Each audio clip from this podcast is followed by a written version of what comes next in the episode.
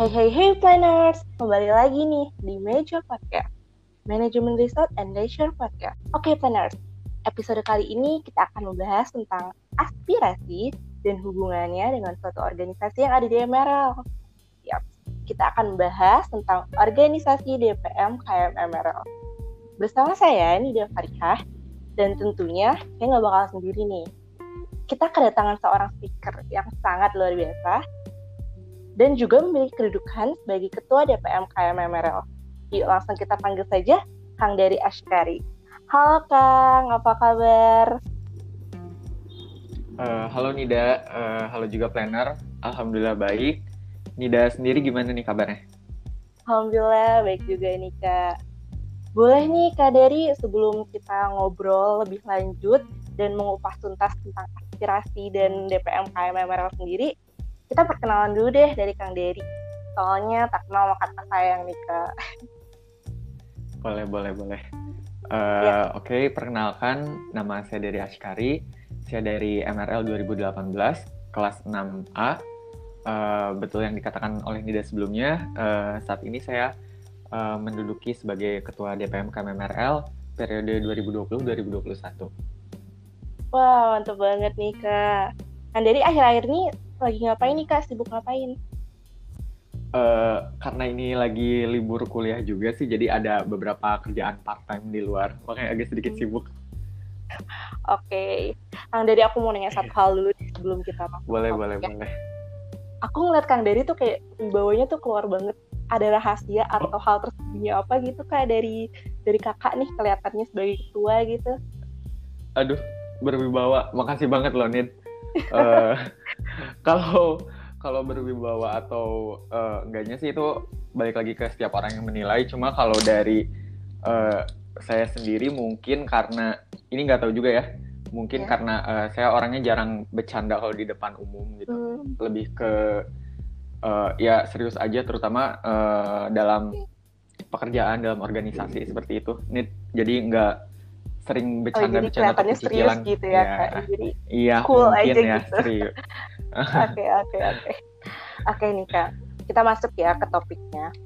Kan organisasi di kampus tuh banyak banget tuh ya Kak. Mulai dari organisasi tingkat kampus nih, terus ada tingkat fakultas, dan terakhir nih yang paling kecil tingkat jurusan ya kalau di, di kampus tuh. Dan sebutan organisasinya juga beda-beda tuh. Ada yang BEM, ada DPM, ada HIMA, dan lain-lain jadi organisasi DPM KM Emerald hmm. itu apa sih kak?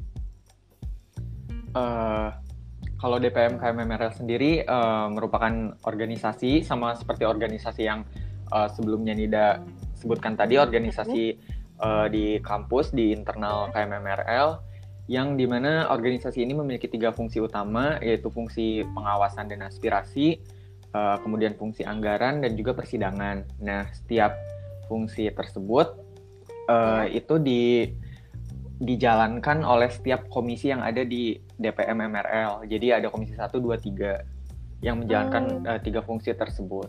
Kurang okay. lebih seperti itu, nih. Oke, okay, jadi istilahnya tuh kayak BEM yang ngerjain proker dan DPM yang mengawasinya atau dibaginya sebagai tahap per komisi gitu ya, Kak? Dari uh, komisi 1 itu karena hmm. ada pengawasan dan aspirasi dan salah satu fungsi pengawasannya itu dilakukan uh, untuk mengawasi proker-proker yang dikerjakan oleh BEM. Betul kata Nida sebelumnya. Oke. Uh, kan tadi disebutin ya Kak, uh, tugas utamanya itu mengawasi ya dari komisi satu dan komisi lainnya juga mengawasi. Nah, mengawasinya Betul. tuh seperti apa sih Kak? Kayak diawasi bener-bener liatin setiap saat atau gimana sih Kak cara pengawasan si DPM ini terhadap kinerja BEM? Di komisi satu ada pengawasan dan aspirasi hmm. dan salah satu iya. fungsi ya. pengawasannya itu dilakukan uh, pengawasan terhadap uh, proker-proker yang dilakukan oleh BEM. Nah, dalam melakukan ya dalam melakukan pengawasan tersebut uh, kita juga ada indikator pengawasan divisi atau IPD uh, dengan beberapa kriteria penilaian dari IPD itu, hmm. mulai dari rapat persiapan, persiapan, terus ada proposalnya juga, staffing, mungkin di hari H proker juga seperti ketepatan waktu panitia dan juga di uh, pasca prokernya juga kita nilai uh, itu mulai dari rapat okay. evaluasi dan juga uh, LPJ-annya.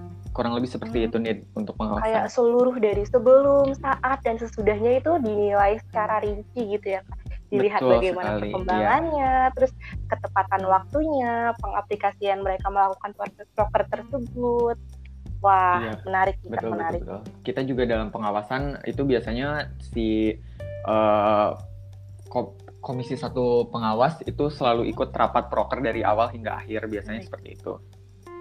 Jadi langsung terjun ya kak ngelihat gimana sih kepanitiaan yang mereka buat dan langsung ikut melihat bagaimana proker mereka terjalani gitu ya kak betul betul betul betul. Oke tadi kita udah ngebahas komisi satu ya. Kan komisi itu beda-beda ya kak. Tiap komisi satu komisi dua dan komisi tiga gitu ya. Kalau komisi betul. dua itu eh, kan di bidang anggaran ya kak tadi disebut di bidang yeah. anggaran anggaran seperti apa sih kak yang diurus oleh eh, DPM KMMRL ini Nah, uh, di DPM juga kan ada Komisi 2 Anggaran. Nah, yeah. Iya. uh, di samping menjalankan tugas dan wewenangnya uh, sebagai pengawas, di Komisi Anggaran ini juga uh, DPM memiliki hak budgeting atau anggaran.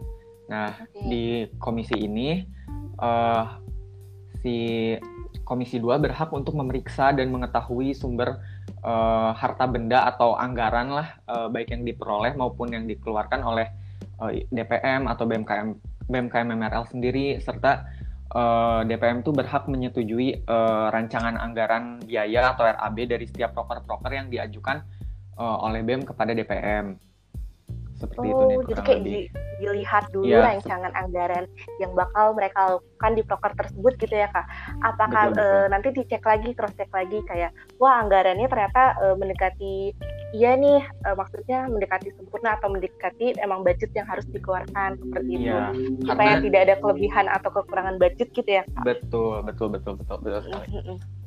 karena yang namanya anggaran okay. itu kan harus uh, balance juga Iya, sensitif harus, ya kak kalau bahas anggaran. Betul, betul. Kalau bahas uang iya. sensitif yeah. sekali. Iya, iya bener kak. Kalau udah bahas anggaran, uang kas itu udah sensitif banget ya kak. Oke kak, kita bakal bahas ke komisi terakhir, komisi tiga persidangan. Dari dengar kata-katanya aja persidangan apa sih kak yang disidang tuh? Nah, uh, ya ini komisi yang biasanya uh, yeah. suka ditakuti nih sama uh, anak-anak KMMRL. Soalnya dari kata-katanya aja persidangan, persidangan gitu. Persidangan ya agak menakutkan yeah. ya. uh, komisi persidangan ini tuh komisi yang berwenang, yang berwenang untuk uh, menyelenggarakan setiap sidang uh, DPM KMMRL. Nah, sidangnya itu sendiri uh, terdiri dari mumas yang biasanya dilakukan di akhir periode. Di akhir Terus juga mm-hmm. ya ada sidang istimewa juga, ada sidang sidang amandemen uh, dan sidang-sidang lainnya biasanya kalau ada yang bandel-bandel nih kita suka kayak bikin uh, sidang uh, lain-lain lah istilahnya seperti Wah. itu. Wah apa tuh kak sidangnya? Uh, yaitu sidang misalnya langsung ada, di sidang gitu iya, ya, di sidang karena uh, selain berwenang menyel menyelenggarakan sidang uh, komisi mm -hmm. tiga tadi juga berwenang mengeluarkan memorandum tuh kepada uh, setiap DPM dan BEM yang mm -hmm. uh, melanggar ketentuan sesuai ADART seperti itu. Wah, dilihat banget nih ya Kak kedisiplinan dari suatu organisasi gitu ya. Betul, langsung diawasi betul. oleh langsung komisi persidangan. Wah, mantep banget nih Kak. Oke Kak, aku masih penasaran nih sebenarnya sama komisi satu. Nah, yang tugasnya tuh uh, sebagai penampung aspirasi juga gitu ya Kak. Nah, aspirasinya tuh seperti apa sih? Misalnya kayak kalau mau curhat nih tentang perkuliahan, boleh nggak sih? Apakah itu termasuk aspirasi atau saran terhadap organisasi atau mungkin ada usulan proker nih, boleh nggak sih kak? Itu tuh disebut aspirasi atau dimasukin dalam aspirasi? Uh, boleh, boleh sekali nih uh, bebas. Jadi yang namanya aspirasi hmm. ya kita uh, menyerap apa pun yang ingin disampaikan oleh KMMRL, uh, baik itu curhat atau mungkin membahas tentang usulan uh, tentang di MRL seperti apa atau tentang organisasi, hmm. tentang proker, pokoknya tentang semua pun uh, itu boleh kita sangat uh, terima si aspirasi tersebut. Dan uh, yang pasti ya boleh boleh. Dan yang pasti uh, aspirasi itu bersifat rahasia kita uh, hmm. pasti ngekip nggak akan uh, istilahnya nyebarin. Gak bakal bocor uh, ya kak? Iya nggak bakal bocor sih. Dijamin 100% kak. Aman dijamin aman ya Nah nih kak, kan tadi uh, tugas DPM itu untuk ngekip ya, nanti karena keamanan juga bakal terjaga 100% nih. BTW nih kak, uh, kan udah ditampung nih misalnya aspirasinya. Selanjutnya peran DPM terhadap fungsi aspirasi tersebut gimana ya kak? Kayak, wah aspirasinya mau diapain nih nantinya, seperti itu. Nah, kalau misalnya udah ada aspirasi yang masuk, biasanya kita uh, kumpulin dulu aspirasi itu, kemudian kita akan membahasnya dengan anggota DPM yang lain, terus uh, kita akan mencoba uh, ngasih pendapat atau masukan, kemudian uh, menyalurkan dan menghubungkan langsung dengan pihak-pihak terkait uh, dari aspirasi tersebut, atau mungkin aspirasinya ada yang bersifat pertanyaan yang bisa kita jawab mungkin kita bisa jawab langsung atau mungkin perlu pihak-pihak lain yang uh, membantu kita coba salurkan aspirasi itu. Oh ternyata alurnya bertahap ya kak dari uh, dipilah dulu apakah langsung bisa dijawab apakah Betul. harus disalurkan seperti itu. Tapi kan ada yang belum ke notice nih kak dari tadi. Gimana sih kak cara kita nyampein aspirasi lewat platform apa nih kan bingung nih ya uh, kita lagi online kayak gini nih lewat mana sih kak aspirasi itu dapat dibagikan? Oh iya benar-benar. Uh, kita dari tadi bahas aspirasi tapi mungkin iya, bingung ya kita aspirasi. Belum ngomong nih. Iya. iya. Disalurkannya ke mana dan bagaimana mungkin masih ada yang belum tahu ya. Iya. Jadi untuk uh, penyampaian aspirasi di DPM sementara sampai saat ini uh, kita menggunakan dua platform. Yang pertama bisa okay. di uh, official akun lain DPM KMMRL dengan uh, kodenya mungkin ya. Uh, iya kak, benar kode. At AXP1437Z. Uh, semuanya huruf kecil. Nah, kayak itu, itu di untuk, line ya, itu yang Iya, betul. Line. Nah, okay. kemudian juga bisa lewat Twitter nih. Kita rencananya sekarang mau okay. coba ke Twitter juga, bekerja sama dengan humas dari BMKM MRL. Hmm. Bisa di akun Twitter @mrl underscore upi. Untuk sementara kita Wah. baru dua itu saja. Baru dua ya. Jadi planners yeah. nih yang yang pengen menyampaikan aspirasi bisa melalui dua platform itu ya kak pasti seru tuh kak. Uh, kita bisa curhat gitu ya di line betul, gitu ya. betul. dan pasti terjamin nih keamanannya bisa ngirim surat-suratan juga via Twitter. Kan seru ya kak. Kayak dulu iya, kalau dulu tuh bisa. di line ya kak surat-suratannya kalau nggak salah. Iya itu dulu surat-suratan dari BMKM iya. ada di line. Nah, tunggu apa lagi nih planners? Ayo nih kita salurin aspirasinya melalui platform lain yang tadi disebutkan. At AXP1437Z, semuanya kecil ya, dan di platform Twitter at MRLUP. Oke kak, gak nyangka banget nih, kayaknya kita udah ngomong panjang lebar, terus juga pembahasannya detail dan mendalam sekali. Dan sayang banget nih kak, kita udah ada di penghujung podcast. Boleh nih kak, dari kakak kasih aku dan para planner semuanya last statement dari kakak. Last statement ya, apa ya? Iya. Yeah. uh, paling untuk uh, planners ataupun uh, warga KMMRL lainnya mm-hmm. yang ingin menyampaikan aspirasi ataupun uh, curhatan, keluh kesah tentang okay. perkuliahan, uh, bisa banget uh, ke kita di DPM dengan platform tadi yang sudah disebutkan sebelumnya. Uh, semoga kita bisa membantu mungkin uh, aspirasi dari aspirasi yang disampaikan dan bisa menyalurkannya dengan tepat seperti itu aja. Oke, okay, betul banget tuh. Oke okay, planners, semoga podcast kali ini teman-teman bisa belajar nih tentang organisasi DPM.